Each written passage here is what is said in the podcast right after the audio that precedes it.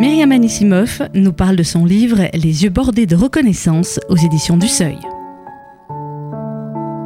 troisième épisode de ce récit, enfin plutôt de ce feuilleton autour du récit de Myriam Anissimov, Les yeux bordés de reconnaissance aux éditions du Seuil. On a parlé dans les deux premiers épisodes, Myriam Anissimov, de, de Romain Gary. J'ai envie de faire le parallèle maintenant euh, avec vous, puisque dans le livre, il est question euh, aussi beaucoup de, de, vous. On a parlé dans le deuxième épisode de Romain Gary et de finalement cette douleur enfuie qu'il avait par rapport à, à, sa famille, euh, disparue pendant, pendant la Shoah. Euh, c'est un point commun que vous aviez avec lui. Euh, cette obsession de la Shoah, vous le dites vous-même dans le, dans le livre, est-ce qu'il l'avait lui ou différemment? Et vous, finalement, comment elle est, comment elle est venue et comment vous la portez encore aujourd'hui? Ah bah Lui, il l'avait évidemment, euh, puisque toute sa famille, enfin, il, lui restait très peu de famille en France.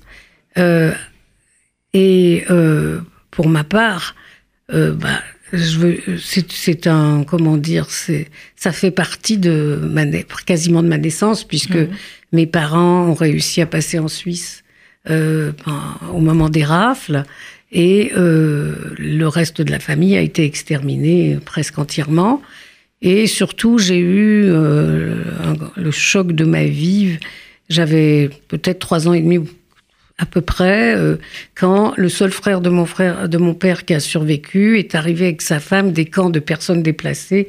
Mhm. Ça devait être en 47 euh, ou 40, fin 46. Et euh, à l'époque, mon père parlait surtout yiddish et surtout avec ses proches. Et donc, mon oncle Israël a raconté à mon père tout ce qui s'était passé. Et c'est rentré dans ma tête, oui. C'est mm. vraiment terrible. Et c'est ma langue. Si vous voulez, ma première langue, c'est la langue yiddish.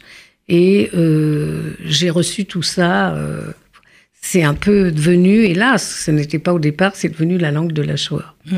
Qu'est-ce qui fait, à votre avis, que j'imagine que c'est dû à la personnalité de chacun, mais que finalement certains qui ont vécu euh, cela, anciens déportés, arrivent plus ou moins à, à faire une vie ensuite, sans y penser peut-être en permanence. Et encore, vous avez raison, on n'est pas à leur place. Et qu'est-ce qui fait que d'autres, la génération d'après, euh, eh bien, restent encore si profondément marqués euh, écoutez, il y, a des, il y a des psychiatres, des psychologues, des neurologues qui s'intéressent à ça mmh. profondément en Israël, puisque ça touche plusieurs générations et même des gens très jeunes actuellement.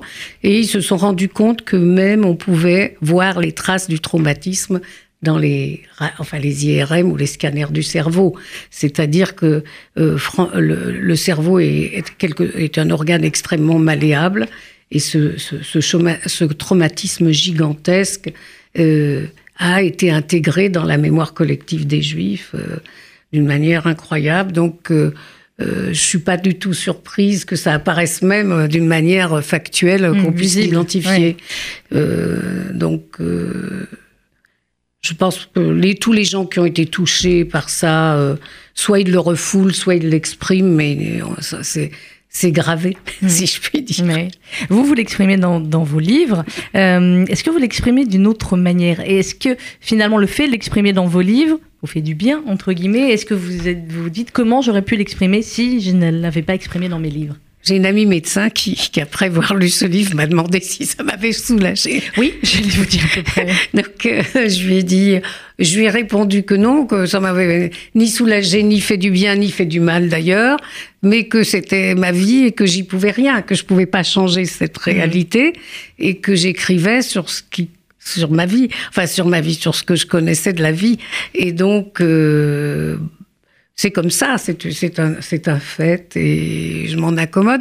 Maintenant, il est vrai que si je pouvais pas m'exprimer, je sais pas comment ça aurait fait. Mais en même temps, regardez Primo Levi, regardez Romain Gary, euh, ils ont tous les deux plus aborder la chose et ça les a pas empêchés de se suicider. Donc on peut pas. Je crois que chaque histoire est particulière. Vous avez écrit des biographies sur sur Primo Levi, sur Romain Gary et sur Vassili Grossman. Euh, là aussi, c'était euh, un moyen. Vous auriez pas pu, j'ai envie de dire, prendre quelqu'un qui n'avait pour raconter sa vie aucun rapport avec tout cela? Bah, écoutez, j'aime mieux en général parler de ce que je connais bien et faire un livre qui tienne debout.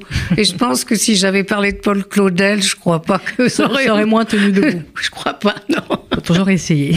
on, on se retrouve euh, pour le quatrième épisode de euh, Les yeux bordés de reconnaissance. C'est le titre du livre de Myriam Anisimov et c'est aux éditions du Seuil. C'était Myriam Anisimov qui nous parlait de son livre Les yeux bordés de reconnaissance aux éditions du Seuil.